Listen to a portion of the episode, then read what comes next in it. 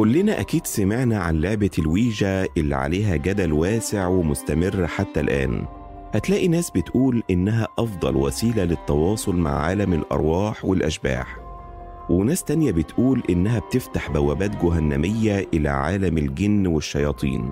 وعلماء شايفين إنها مجرد لعبة عادية بتشتغل على الوهم والخداع البصري والإيحاءات النفسية مش أكتر.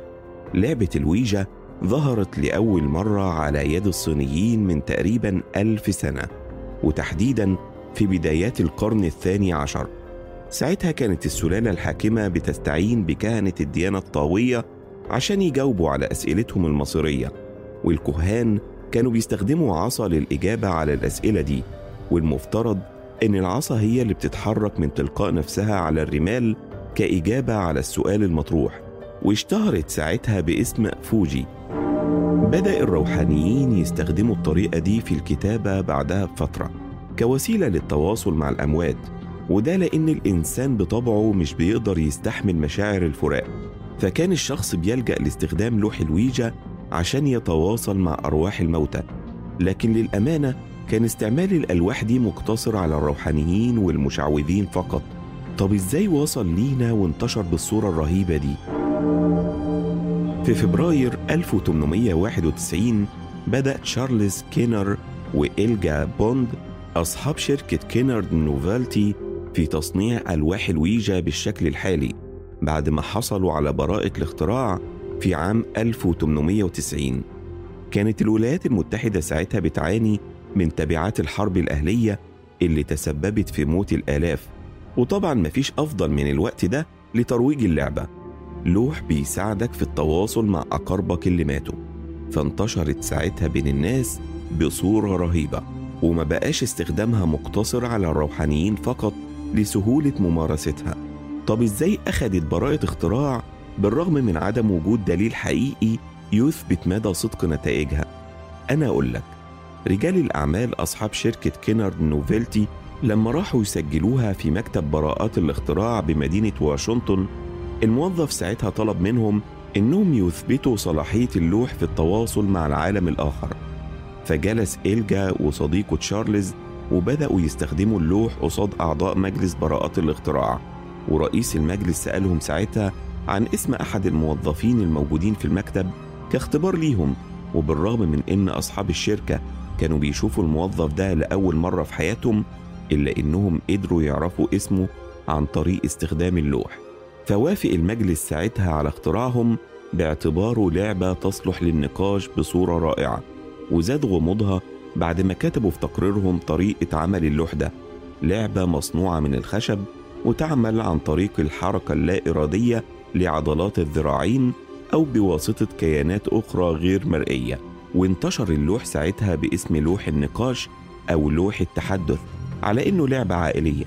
وفي أقل من سنتين أصبحت الشركة بتمتلك حوالي عشر مصانع بين أمريكا وبريطانيا لغاية ما تولى ويليام فولد إدارة الشركة في عام 1901 وهو اللي ابتكر اسم ويجا كاسم تجاري للعبة وصرح ساعتها بإن اللعبة هي اللي اختارت الاسم ده لنفسها بعد ما سألها عن الاسم اللي تحب إن الناس ينادوها بيه. ولو حابب تعرف أكتر عن قواعدها فأحب أقول لك إنها عبارة عن لوحة خشبية أو بلاستيكية مكتوب عليها الأبجدية الإنجليزية كاملة بالترتيب ومن فوق هتلاقي الأرقام من واحد لعشرة وفي الأسفل هتلاقي كلمتين نعم ولا وعلى الجانب الأيسر كلمتين مرحبا ووداعا. بالإضافة لمؤشر من الخشب على شكل قلب وفي منتصفه قطع من الزجاج الشفاف. بتبدأ اللعبة بجلوس شخصين أو أكثر حول اللوح بحيث إنهم يضعوه ما بينهم. وبعد كده كل واحد يضع إصبع على المؤشر لضمان سهولة تحريكه ويبدأوا في استحضار واستدعاء الروح المطلوبة عن طريق النداء عليها بشكل متكرر. ولما يحسوا إن الروح حضرت بيبدأ قائد اللعبة ينطق أول سؤال هل يوجد أحد في الغرفة؟ لو الروح أو الكيان حضر بالفعل فالمفترض اتجاه المؤشر هيكون على كلمة نعم. بعد كده بيتم ترشيح واحد منهم ليكون هو عريف الجلسة يعني يكون هو المسؤول عن توجيه الأسئلة لأن ما ينفعش أكتر من شخص يسأل الكيان اللي حضر بشكل مباشر. والإجابات بتكون عبارة عن تحرك المؤشر بشكل لا إرادي ناحية الأحرف الأبجدية والأرقام وكلمتين عمولا ولا يجوز بأي حال من الأحوال إنهاء اللعبة قبل استئذان الكيان اللي حضر. والاستئذان بيكون عن طريق توجيه المؤشر لكلمة وداعا قبل انصراف اللاعبين. أكيد بتسألوا دلوقتي عن السبب. يقال إن إنهاء اللعبة بدون الاستئذان بيؤدي إلى غضب الكيان اللي حضر فبيصيب ساعتها كل اللاعبين بلعنات أبدية. والغريب إن العلماء نفسهم انقسموا في تفسير الظاهرة الغامضة دي فهتلاقي إن جانب منهم بيؤكد إن السبب في تحريك المؤشر هي عضلات اللاعبين اللي بتعمل بشكل لا إرادي نتيجة فقدانهم لتركيزهم وهي حالة بتتسبب في تحريك المؤشر بواسطة اللاوعي. والدليل على كده هو إنهم أجروا تجارب على لاعبين معصوبي العينين فكانت النتائج مختلفة تماما. في حين إن الجانب الآخر من العلماء بيعتقد إن السبب الرئيسي هو تواجد طاقة أجساد اللاعبين بشكل مشتت في أنحاء الغرفة والحقيقة إن التفسيرين أقوى من بعض ومقبولين منطقيا رغم عدم إجابتهم على تساؤلات كتيرة زي مثلا واحد إزاي الظواهر الغامضة بتحدث في بعض الأحيان بعد اللعب زي تحطم النوافذ وتحرك أثاث المنزل وغيره. اتنين إزاي اللاعبين بيوصلوا المعلومات عن مواضيع محدش فيهم كان يعرفها قبل كده. للأسف أكتر من مرة تم استخدام لوح الويجا للوصول لتفاصيل دقيقة جدا في قضايا شديدة التعقيد وكانت النتائج مبهرة رغم إن اللاعبين ما كانوش يعرفوا أي حاجة عن القضايا دي معقول كانت صدفة؟ لكن الديانات السماوية الثلاثة بتحرم ممارسة اللعبة الشيطانية دي لأسباب كتير منها إن إمكانية التواصل مع أرواح الموتى شيء مستحيل في الأديان الثلاثة بالإضافة إلى إن اللعبة بتفتح باب لعالم الجن والشياطين سواء بشكل مباشر عن طريق المس والاستحواذ أو بشكل غير مباشر عن طريق الوسوسة والإيحاء النفسي والخداع والهلاوس البصرية والتلاعب بعقول اللاعبين. أما عن أشهر القصص الحقيقية المرتبطة بلعبة الويجا فهنلاقي مثلا واحد قصة ويليام فولد نفسه اللي يعد أحد مؤسسي اللعبة. في أحد الأيام استخدمها للإجابة عن سؤال معين كان محيره وبمعنى أدق كان بيسألها عن مصيره في حالة بنائه لمبنى شاهق الارتفاع فاللوح جاوبه بإنه هيموت منتحر من فوق المبنى لو قرر يبنيه. وبالفعل رمى ويليام نفسه من فوق المبنى بعد ما انتهى من بنائه في عام 1927 اتنين قصة السيدة أنجيلا جاكسون اللي حذرها أبوها قبل ما يموت من اللعبة دي. وبالرغم من كده إلا إنها لعبتها مع جيرانها بعد موته بعشرين سنة. يومها سألت اللوح عن مصيرها فقال لها إنها هتموت مقتولة بواسطة راجل ضخم ماسك بلطة أو مطرقة وبالفعل تعرضت لحادث بعد أيام وكانت هتموت على يد راجل ضخم بيطاردها وهو بيحمل مطرقة لكنها نجت منه بأعجوبة والإصابة ساعتها حطمت جزء صغير من جمجمتها وقصص حقيقية كتيرة مرتبطة باللعبة دي وكلها أغرب من الخيال حرفيا زي مثلا ثلاثة قصة جاكي هرنانديز اللي انفصلت عن زوجها في 13 نوفمبر 1988 بعد مشاجرة عنيفة وهاجرت بعد كده مع طفلها من مدينة لوس أنجلوس إلى كاليفورنيا ونظرا لفقرها الشديد اختارت بيت صغير تعيش فيه وبمجرد ما سكنته بدأت تلاحظ إن في نشاطات غريبة بتحصل يوميا زي إنها كانت بتشعر بوجود كيان غير مرئي بيراقبها باستمرار. فقررت جاكي إنها تتجاهل الأمر وتكمل حياتها بصورة طبيعية. ورغم صغر سنها اللي ما كانش يتجاوز 23 سنة ورغم إنها أصلا كانت حامل إلا إنها كانت بتشتغل أكتر من وظيفة عشان تقدر تصرف على نفسها وابنها جيمس اللي كان عمره ساعتها سنتين. كانت كل يوم تسيب الطفل عند جارتها وترجع بالليل تاخده منها عشان يناموا مع بعض هما الاتنين. الغريبة إنها كانت بتسمع أصوات غير مألوفة بتيجي من العلية اللي هي أشبه بالصندرة عندنا فتوقعت إنها قد تكون أصوات في إيران خاصة إنها كانت بتنام فترات قليلة جدا وكانت بتحلم بكابوس مرعب ومخيف بشكل يومي. كابوس مرعب بتشوف فيه راجل عجوز بيحاول إنه يغرق حد في البحر وبعد لحظات ينتبه العجوز إليها فيقوم يتحرك ناحيتها بسرعة. جاكي كانت تتخض ساعتها. وتقوم من النوم مفزوعة. المشكلة إنها كانت بتلمح في اللحظة دي شبح الراجل العجوز ده وهو داخل دورة المياه في بيتها أو خارج منها وأول ما تدعك عينيها تلاقيه اختفى فجأة. فترجع تكمل نومها تاني وتنسى الموضوع تماما. لكن مع بداية شهر فبراير سنة 1989 بدأ الموضوع يزيد عن حده. كانت بتشوف أثاث البيت بيتحرك تلقائيا وأحيانا يطير في الهواء لمدة لحظات قبل ما يقع على الأرض. ده غير إن الأصوات اللي في العلية بدأت ترتفع حدتها يوم عن يوم لدرجة إنها ما بقتش عارفة تنام فقررت تطلع تستكشف إيه اللي بيحصل فيها. وهناك لاحظت إن الأمور طبيعية ومفيش غير خيوط عنكبوت مش أكتر. لكن قبل ما تنزل من فوق لمحت شبح راجل عجوز بدون نصفه السفلي فرجعت بسرعة على غرفتها وهي بتبكي. وأخدت ابنها في حضنها.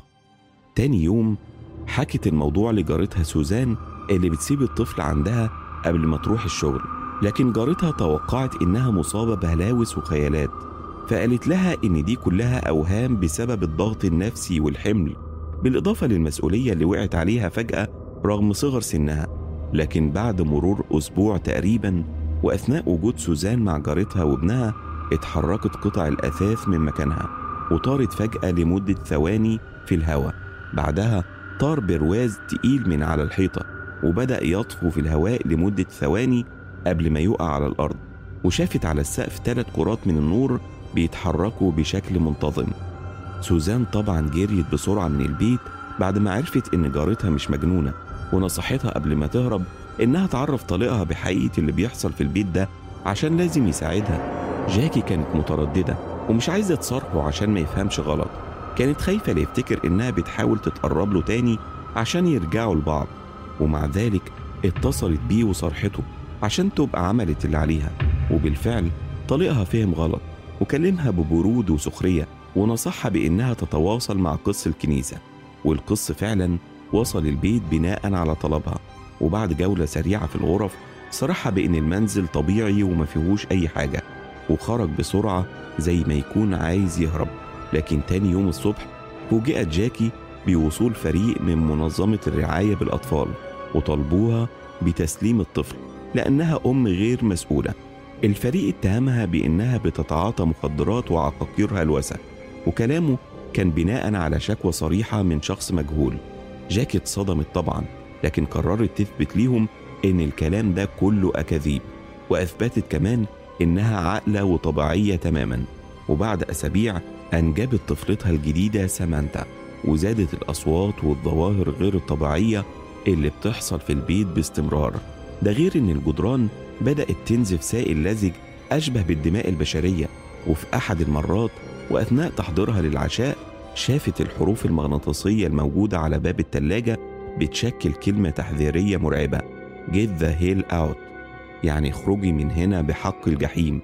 للحظة توقعت إن حد بيحاول يستظرف معاها لكن تأكدت إن البيت مقفول تماما بأكتر من قفل فعرفت إن وجودها أصبح غير مرغوب فيه بين الكيان الغامض. لكن لما جاكي دخلت تنام سمعت صوت حشرجة جاي من غرفة نوم الأطفال.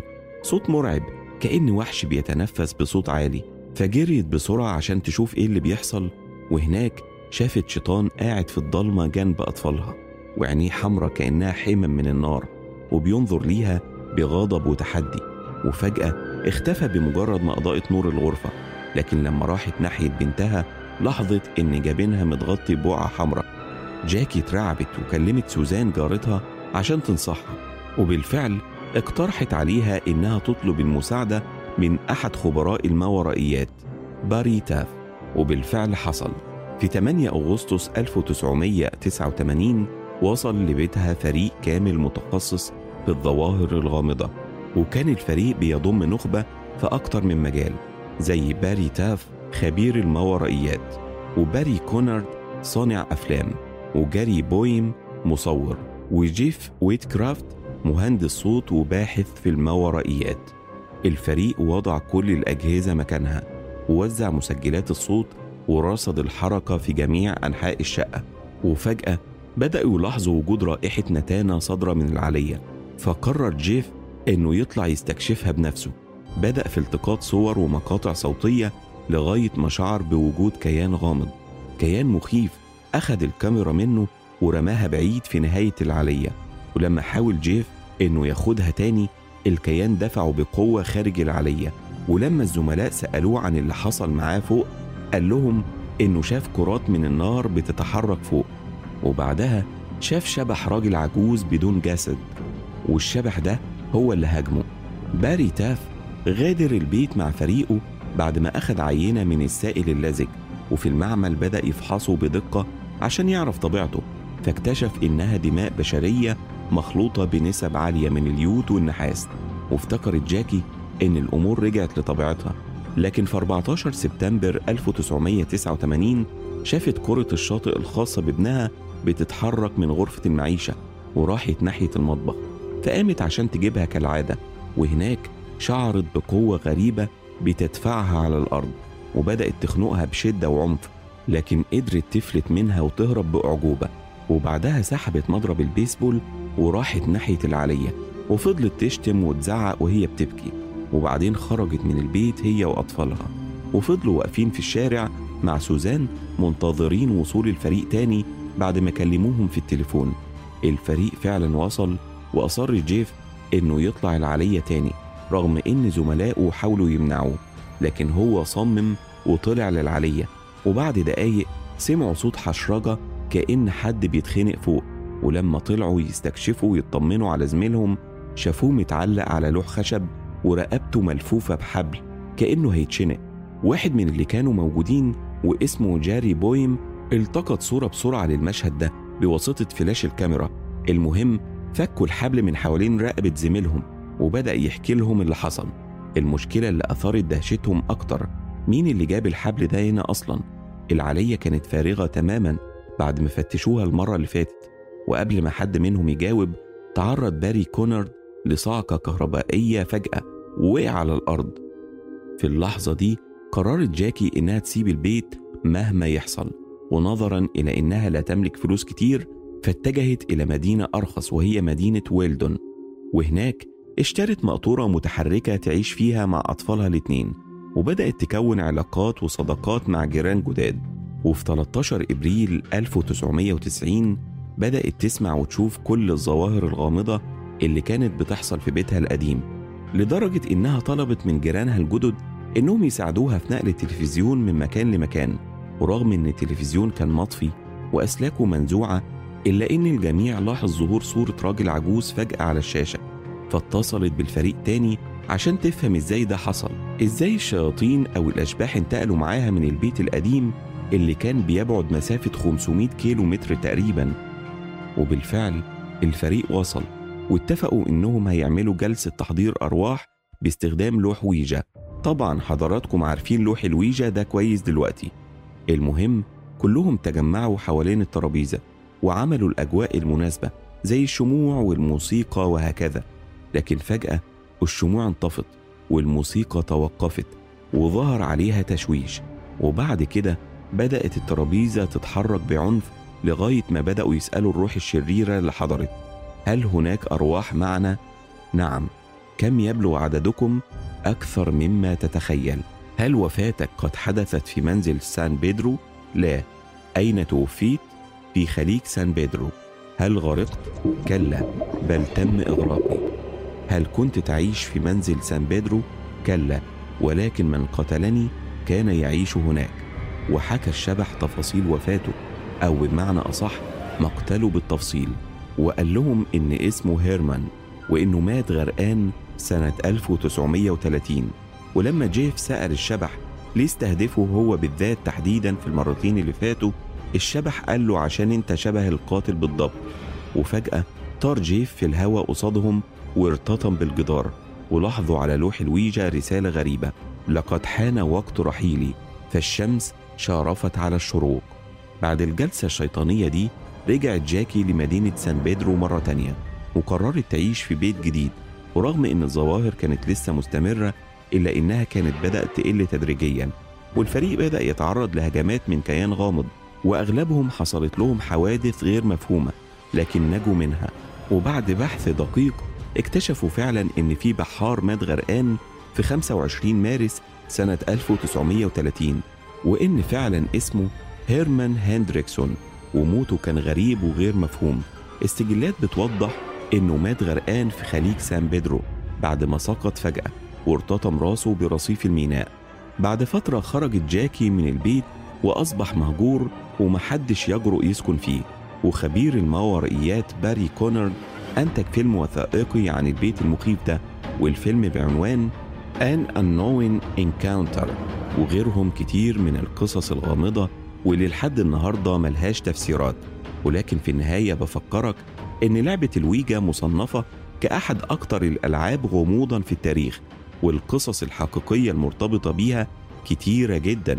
ناس كتير من حول العالم استخدموها وتعرضوا بعدها للأذى وناس تانية قدروا يوصلوا لمعلومات واكتشافات خطيرة عن طريقها لكن حتى الآن محدش من العلماء قدر يوصل لحقيقة مؤكدة توضح إزاي ده بيحصل.